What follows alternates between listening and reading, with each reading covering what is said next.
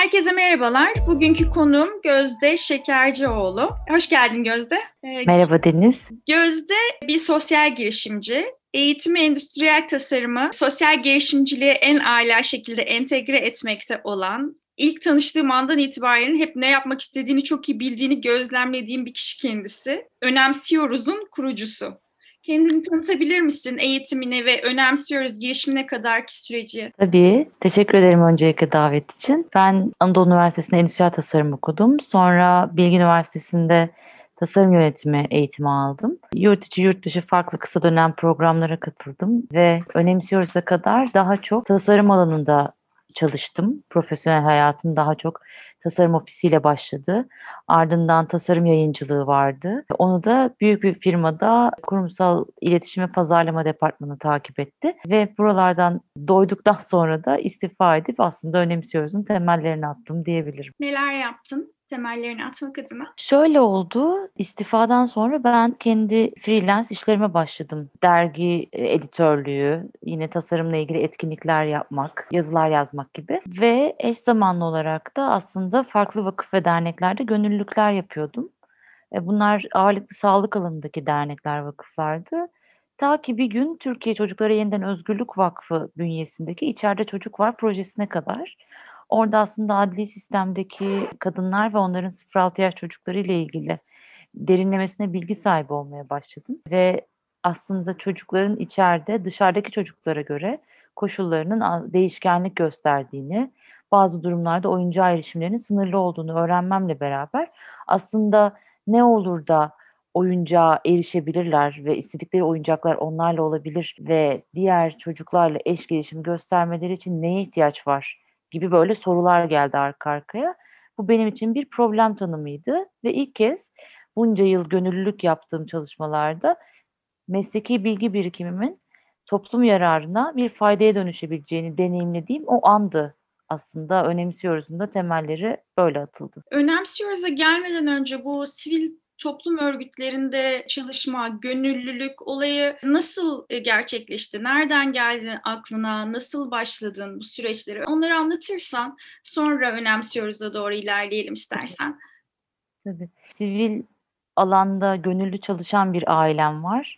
Ağırlıklı olarak ben üniversite mezuniyetimden sonra daha çok bu konulara eğildim. Tasarım geleneksel bir tasarım eğitimi ve aldığım eğitim endüstriyel tasarım yani sanayinin içinde ürün geliştiren bir rol üstlenmekle çok yakından bir ilişkim olmadı üniversite hayatımda. Hep sosyal bir organizasyon, farklı aktörleri bir araya getirme, organize etme gibi taraflarda daha çok becerim ve e, yetkinliğim varmış. Bu sebeple yan yollar aradım kendimi hep. Bu yan yollarda sosyal sorumluluk projeleriyle, sosyal fayda projeleriyle, sonradan dönüp baktığım zaman sosyal girişim yolculuğunda gidebilecek fikirlerle kesişti. Aslında kendini gerçekleştirmek için sosyal alanda bir şeyler yapıyorsun. Gönüllü olmandaki bir insanın motivasyonlarının en başında kendini iyi hissetmek var.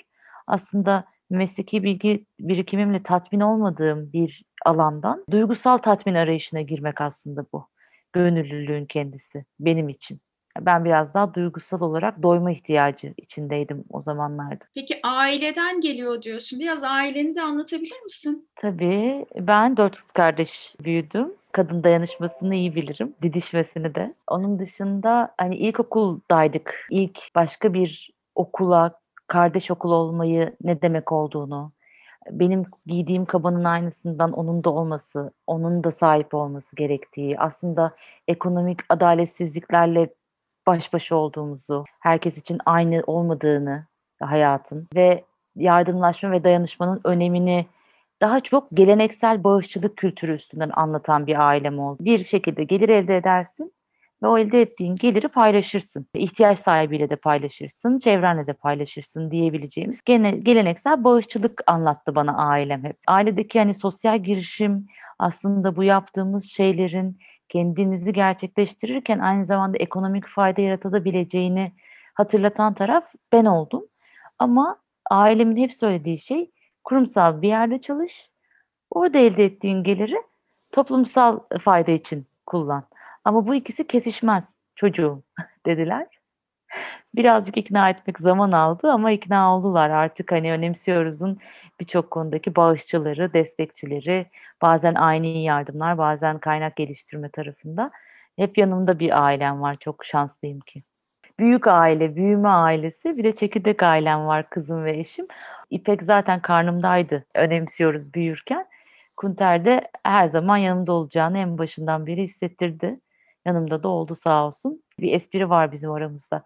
Ben ilk önemsiyoruz'a başlarken bir 6 ay deneyeceğim ben bunu Kunter demiştim. O da tabii ki de ne demişti. Üçüncü 6 ayı uzattıktan sonra dedi ki Gözde lütfen buna böyle bir süre koyma. Devam et. Bu senin hayatınla çok çok ilişkili ve çok önem verdiğim bir şey. Lütfen zaman sınırın olmasın bu işi yaparken dedi ve işte beş yıla yaklaştı. Nasıl dengeliyorsun? Ev, iş, aile dengesi, bu minik kızın var. Bu dengeyi yaratırken zorlanıyor musun? Çok. Pandemi yokken de zorlanıyordum. Şu anda ne yardımcım var ne de işe gidebiliyorum. Yani her şey evin içinde. Bir ev hanımlığı rolü var, eş rolü var, Gözde'nin kendisi var, anne var. Böyle bir sürü rol var hayatımda o dengeye gelmek için kendime iyi gelecek molalar vermeye çalışıyorum. Bazen denge şaşıyor. Yardım alabileceğim kız kardeşime yetiş diyebiliyorum. Kunter'e bugün işe çok geç git ya ya da gitme diyebiliyorum. O esneklik var çünkü onun işinde de. Çok kolay olmuyor o dengeyi tutturmak. Ama hem İpek'le hem Kunter'le e, hem de kendimle açık bir iletişim kurmaya çalışıyorum. Yani gerçeğimi saklamamaya çalışıyorum. Çünkü mükemmel olmaya o kadar atfedilmiş bir hayat sürüyoruz ki hani en iyisi olmalı, en düzgün, en en en en. Ben pandemiyle beraber insan olduğumu hatırladım. Çok haklısın. Şimdi Önemsiyoruz'a biraz geri dönelim mi? Tabii. Önemsiyoruz girişimi 2015 Aralık'ta başladı. Evet. Detaylandırabilirsen çok sevinirim. Meslek alanında çalışırken aynı zamanda gönüllülükler yapıyordum. Bunlardan bir tanesi de aslında önemsiyoruz'un da temellerini oluşturan Türkiye Çocukları Yeniden Özgürlük Vakfı bünyesindeki İçeride Çocuk Var projesiydi. E, bu projede adli sistemdeki kadın ve onun 0-6 yaş çocuğu ve çocuklarıyla çalışıyorlardı. Daha çok kurum içi anaokulu inşa ediyorlardı ve işte anaokulundaki oyuncakların koğuşa giremediği, koğuştaki oyuncakların anaokuluna çıkamadığı gibi belirli sınırlandırmalar olduğunu öğrendim. Bu bağlamda da koğuşa girebilen oyuncak da olabilir diyerek bir tasarımcı olarak bunu bir problem tanımına döndürdü. Hangi kumaş olmalı, hangi malzeme olmalı, çocuk için hangi gelişim içeriklerine sahip olmalı gibi. O sırada hayatımda bir çocuğum yoktu. Çocukla ilgili bir fikrim de çok sınırlıydı ama bir değişim yaratma motivasyonu vardı. İşte lisedeki en yakın arkadaşlarımdan bir tanesi psikolojik danışman benim. Onu aradım. Beraber başlar mıyız bu işe diye. Başlarız dedi. Ondan sonra böyle her seyahatte her karşılaştığım anda böyle tesadüf gibi görünen tanışmalar oldu. Mesela Ankara'dan İstanbul'a bir otobüs yolculuğunda yan koltuğumda 12 yıl tutukluluk yaşamış bir kadın vardı mesela. Ve ben Ankara'dan buraya gelene kadar o yolculuk boyunca aslında içerideki çocuğun hayatında nelere ihtiyaç olduğunu araştırabildim. Ben bir şey niyet ettiğim zaman gerçekten karşıma çıkıyor fırsatlar diyeyim. İlginç olmuş gerçekten bu. Bu girişim fikriyle yola çıkarken kendinde inandığın nokta neydi Gözde? En inandığım şey ben bir şey yapmak istersem yapıyorum. Sadece devam etme motivasyonu bende çok yüksek bir şeylerle ilgili başladığım zaman. Ben bir şey yarım bırakamıyorum. Ha, bu belki de benim hani bug'ım. Bilmiyorum. Belki bu pozitif bir şey değildir. Bilemiyorum. Ama bir şeye inanıyorsam devam ediyorum. Sadece bu yolda bazı geri bildirimleri kişisel algıladığım zamanlarım oldu. Bana çok vakit kaybettirdi mesela. Kişisel algılamayıp özünü duysaydım inandığım şeyin arkasından çok daha rahat devam edebilirdim. İşte yapamazsın. Bu çok zor bir alan. De uğraşma. Yapma gibi çok şey duydum durdurmak için. Aslında haklı oldukları taraflar varmış. Çünkü kamu kurumuyla iş yapmak beraber çalışmak çok kolay değilmiş. En nihayetinde verdiğin emekle elde edeceğin fayda aynı oranda büyümüyormuş. Çok daha fazla emek verip çok az kişiye erişebildiğin bir alanmış. Onun yerine çok daha taktiksel düşünüp zaten o kişilerle teması olan e, uzmanlara erişmek, belki onların açık kaynak ulaşabileceği programlar yapmak çok daha mantıklıymış. Bunu anladım Ama 3 yıl geçti üstünden. Bu yolculukta da neden izin alamıyorum? Neden tasarladığım oyuncaklar, bu kadar gönüllü insanla beraber geliştirdiğimiz bir program neden kurumlara ulaşamıyor diye hep ısrarcılıkla devam ettim. Dilekçe yazmaya, araştırmaya, kapı çalmaya. Belki de daha iyi bir, daha kolay bir yöntem vardı ve insanlar onu söylemeye çalışıyordu bana. Ben onu pek duymak istemedim galiba. Aralık 2015'te kurdun ya bu önemsiyoruz o. Şimdi bugünden baktığında Aralık 2020'deyiz ya şu anda. 5 sene önceki Gözde'ye ne derdin şimdiki haline? Sakin ol şampiyon. Başarma isteği çok yüksek bir insandım. Çünkü kanıtlama ihtiyacım vardı belli ki kendimi. Bilinmeyen bir alanda sosyal girişimcilikle ilgili hani herkese yeni bir şey anlatmaya çalışıyorsun. Çünkü sosyal girişimcilik Türkiye'de de çok yeni bir kavrammış.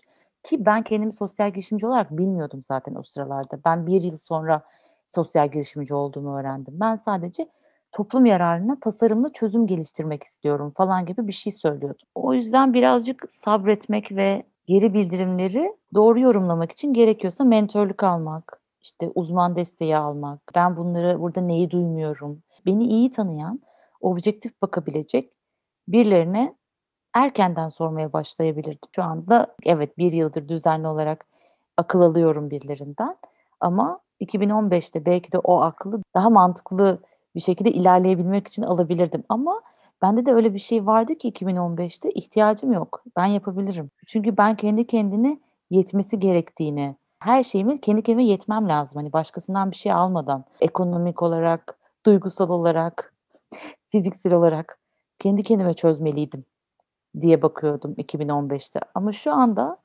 benim bir şeyi yapmış olmam değil mesele. Sonuca ulaşmaksa eğer işbirliği, güç birliği, gerektiğinde durmak sadece bazen çözümü getirebilir ayağına yani. O yüzden sakin ol şampiyon derdim. Önemsiyoruz olarak nasıl geliştiniz, çoğaldınız? Kaç kişisiniz? Yüze yaklaştık gönüllü olarak. Ekipte dört kişiyiz ana bütün işleri takip eden, götüren. Çok değişken konularda çalışmalar yapıyoruz. Bunların içinde eğitici eğitimleri var uzmanlara yönelik. Ebeveyn programları var. Psikososyal iyi oluş atölyeleri var. Bunlar kadınlara yönelik, kendi topluluğu olan kadınlar için ya da bağımsız bireysel kadınlar için daha çok dayanışma ihtiyacı duyduğunu dile getiren kadın kooperatifleri için mesela. Risk grubundaki kadınlar, ekonomik koşulları zorlu kadınlar gibi gruplarla yüz yüze çalışmak çok daha çalış anlamlı bir şey. Bu sebeple pandemiyle beraber dijital ortamda eğitim programlarına dönüştü bu çalışmalarımız. Kendi içinde komiteleri var, önemsiyoruz'un. İşte 7 farklı komite var. Bu komiteler kaynak geliştirme de yapıyor, iletişim çalışması da yapıyor, proje geliştirme de yapıyor. Biz aslında gönüllülerden mesleki bilgi birikimiyle ilgili bir destek alıyoruz. Yani bir psikolog lisans eğitiminde öğrendiği şeyleri önemsiyoruz da dahil ediyor. Sadece bir insan gücü olarak yer almıyor. Nitelikli bilgisini aktarıyor sürece. Pro bono gönüllü olarak tarif ediyoruz. Hatta 2021 yılında da gönüllülük politikası ile ilgili bir çalışma yapıyoruz. Bununla alakalı da bir önemsiyoruz gönüllüsü olmak budur budur budur diye bir deklarasyonumuz da olacak. Çünkü biz istihdamımızı da gönüllüler içinden yapıyoruz. Şu an benim dışındaki üç kişi de önemsiyoruz'un en az iki yıldır gönüllüsüydü. E, süreçlerde aktif rol alan insanlardı. Çünkü böyle içeriden bir istihdam yarattığımızda çok daha verimli süreçler yönetebiliyoruz. Hem gönüllüyken hakim olduğu şeye, profesyonel olarak çalışırken de ikisini birlikte birleştirebiliyor. Gönüllü perspektifinden bakabiliyor her bir çalışan. Ben zaten bu soruyu sana sormak istiyordum aslına bakarsan. Her mecradan insan o zaman gönüllü olarak çalışabilir mi? Mesela ben bir patoloji uzmanıyım. Gönüllü olarak çalışmak istesem ne yapabilirim? Önemsiyoruz çerçevesinde ne yapılabilir? Şöyle, önemsiyoruz da bir lisans eğitimi devam edenler var. Lisanstan henüz mezun olmuşlar var. Bir de uzmanlığı olan insanlar var. Senin gibi uzmanlığı olan insanlar süpervizyon seviyesinde ya da daha spesifik odaklı bir konuda bize bilgi birikimine dahil ediyor. Yani mesela bir bütçe dokümanı oluşturmamız gerekiyor. E, pazarlama bütçesini çok iyi hazırlamayı bilen 15 yıllık deneyimli bir arkadaşımıza spesifik olarak diyoruz ki biz bunu yaptık Sen bu konuda bizi nasıl yönlendirebilirsin? Nasıl güncelleyebilirsin? Öncelikle bir formumuz var. O formu doldurmanı bekliyoruz. Sonra o formu doldurduktan sonra gönüllülerimiz içindeki gönüllülerden sorumlu olan arkadaşımız seninle bir görüşme yapıyor. Aslında sen neden önemsiyoruz da bir bağ kurmak istiyorsun? Çünkü aslında burası bir deneyimleme ağı sunuyor gelen gönüllüye. Birlikte neyi öğrenmek istiyorsun ve neyi katmak istiyorsun önemsiyoruz da. Tabii ki sen bir bilgi aktardığın zaman bize eğer ki çalıştığımız bir alanın durumla bir ilişkisi varsa onu yorumluyor olabilirsin. Bu konuda bir yazı yazıyor olabilirsin bilgi birikiminle. Gönüllümüz bir yazı da yazabilir. Sıfırdan bir projenin geliştirilmesinde fikirden uygulanmasına kadar rol de alabilir. Hatta o proje kapsamında istihdam bile edilebilir. Hı hı. Geliştirdiği proje kapsamında. 59 farklı bölümden insan var.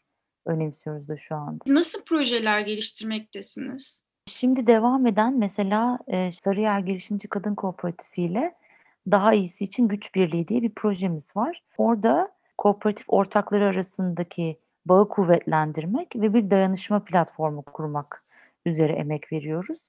Dijital ortamda bir araya geliyoruz. Aslında onların dijital ortamda bir araya gelmeleri için bir alan açıyoruz.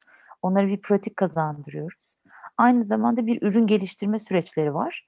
Kendi ürünlerini üretiyorlar ve satmak istiyorlar. Orada da ürün tasarım deneyimimizle danışmanlığı da kesiştiriyoruz. Hem ürün geliştirme hem psikososyal güçlenme ve dayanışma ikisi beraber gidiyor bunda. Onun dışında bazı vakıflar ve dernekler bizden hizmet alıyorlar. Özellikle online kolaylaştırıcılık konusunda ve çocuk hakları eğitimleri bağlamında dijitale aktarmak için programlarını. Çünkü gelenekselleşmiş STK'lar daha çok sahada çalışma yapmaya alışkınlar. Dijitale çok hızlı geçemiyorlar. Biz onları aslında kolaylaştırıcı bir ekip arkadaşlığı yapıyoruz. Onun dışında kadınların politik temsili üstüne bir hibe yazdık. Umarım gerçekleştirebiliriz. Kadın liderler aracılığıyla yeni bir demokrasi anlayışı ismini verdiğimiz bir proje.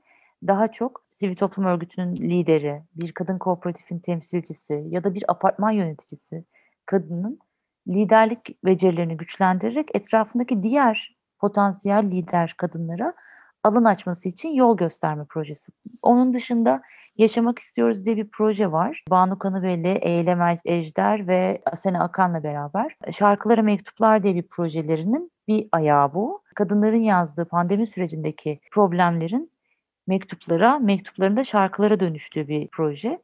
Orada bir partnerliğimiz var. Onun dışında eğitici eğitimleri için çalışıyoruz. Terapi odasından sesler başlığında eğitici eğitimlerimiz başlayacak. Bu yıl 5 kere yapacağız. İlki 7 Şubat'ta. Ebeveyn gelişim programlarımız var. Yüz yüze yaptığımız programları dijitale aktaracağız. Onun dışında da kadın kooperatiflerinin birbiriyle olan dayanışması üstüne dayanışma ve güçlendirme programımız var. Özetlemem gerekirse biz bu zamana kadar çocuk ve çevresindeki yetişkinler için güçlendirme programları yürüttük. Şimdi bunları online'a taşımak üzere bazen hizmet verdiğimiz, bazen projeyi sıfırdan geliştirdiğimiz ve hibe başvuruları yaptığımız adımlar izliyoruz. Bir tane de şu var ki şu anda benim en heyecan duyduğum projemiz kadının ekonomik bağımsızlığını elde etmesi üstüne. Dijital ortamda yine bir dayanışma ortamı ama bir taraftan da çağrı merkezi sektörüne istihdam yetiştirmek üzere kadınların hem evden hem belirli bir noktadan çalışmasına imkan verecek bir kariyer planlama, istihdam ve dayanışma şirketi, insan kaynağı havuzu diyeyim ben buna. Böyle de bir projemiz var. Şimdi onun eğitim programını yazıyoruz. Nisan'da ilk eğitimler dijitalde başlayacak. Sana kadar da bütün eğitim programını yaklaşık 72 saat video çekimi ve sisteme girişi, bir platformun kurulması işlemleri sürecek. Aslında yılda 20 bin istihdam olan bir sektöre kadınları hazırlamak ve belirli bir süre para kazanacakları, istihdam edilecekleri bir yapıya dönüştürmek istediğimiz bir proje bu. Ekonomik bağımsızlık çok çok önemli. Psikososyal iyi oluştan da önemli hale geldi. Derin yoksulluk olan ve daha da derinleşeceği söylenen 2021 yılında daha da zor günler geçireceğimiz söylenen bu zaman diliminde ekonomik olarak kadınlara fayda sağlamakla ilgileniyorum. Ben evet. kişisel olarak önemsiyoruz içinde. Çok hepsi ayrı ayrı çok heyecan verici. Gözlemlediğim kadarıyla insanları birbirleriyle buluşturma ve bir sinerji ortaya konulması konusunda senin bir artın var. öyle olduğunu düşünüyorum. Ne dersin? Doğrudur. Çok severim. Gönüllü olarak çalışmaya başladığın zamandan bugüne insanların yüreklerine dokunduğunuzu en çok hissettiğin anlar nelerdi Gözde? İlk aklıma gelen şey şu, aslında ihtiyaçlarımızın evrenselliği diyebilirim. Ben ilk adli sistemdeki çalışmalarda daha çok birebir çalışma yürüten değilim. Gözlem ya da hani dışarıda psikolog, psikolojik danışman arkadaşlarımızın yaptığı sahalardan e, dinlediklerimle beraber ben de o sırada bir anneydim ve içeride de annelerle çalışıyorduk ve yeni anne olmuş kişiler vardı. Ben de 6 aylık anneydim. Belki Loza sendromu, belki hormonların birbirinin arasında zıplaması diyelim. Çok çok aynıydı. İçeride kadın, dışarıda kadın, varlıklı kadın, yoksul kadın. O kadar ortak ki ben en çok kendimi şifalandırdığımı düşünüyorum bu süreçte. Daha da gidecek çok yol var tabii ki. Ben aslında kendime dokunuyorum. Kendimle yakınlaşıyorum bu çalışmaları yaparken. Evet ben senin TED konuşmanı dinledim de orada bahsediyordun bundan. Yeterlilik ve değer duygusu evrensel olarak ihtiyacımız olan bu diye. Bundan bahsediyorsun değil mi aslında bakarsan? Evet aynen öyle. Bu bana iyi geliyor. Kendimi geliştireceğim taraf da bu taraf diyebiliyorum. Bu yaptığımız çalışmalarda çok böyle çok küçücük bir şey de olabiliyor. Bir arkadaşına sesini yükseltmek. Toplantıya katılan bir başka kişinin hani nasıl sinirlendiğini görmek kendinde de onun ortaklığını fark etmek. Koşullar aynı olsa dahi ya da koşullar bambaşka olsa dahi o kadar ortaklık yakalıyorsun ki karşındaki kişiyle. O ortaklık senin kendinle ilgili bir ihtiyacı fark etmeni sağlıyor benim açımdan. Ben bunu çok seviyorum. O yaptığımız her bir araya gelişte. Gözlem yapmaya çalışıyorum. Hem kendimi hem topluluğun kendisine. Yani topluluktaki yansımamı görmeye çalışıyorum tabii kolay olmuyor. Ama böyle anlar herhalde insana fısıldayan anlar olsa gerek değil mi? Çok doğru yoldasın. Yola devam gözde diye. Öyle olduğunu düşünüyorum. Evet, devam etme gücü alıyorum burada. Bazen çok yıpranıyorum ama onun da kendini tazeleme süreci oluyor. Mesela yaşadığım bir saha çalışmasında tabii ki İpek'le beraber gidiyorduk her sahaya. Farklı şehirlerde işte mesela Gaziantep'te yaptığımız bir sahada ben bir eğitici eğitimi sırasında çok çok kötüleştim. Sadece koordinasyon görevim olmasına rağmen öğle yemeği arasında ben mekanı terk edip gidip İpek'le oyun parkında oyun oynayıp geri geldim.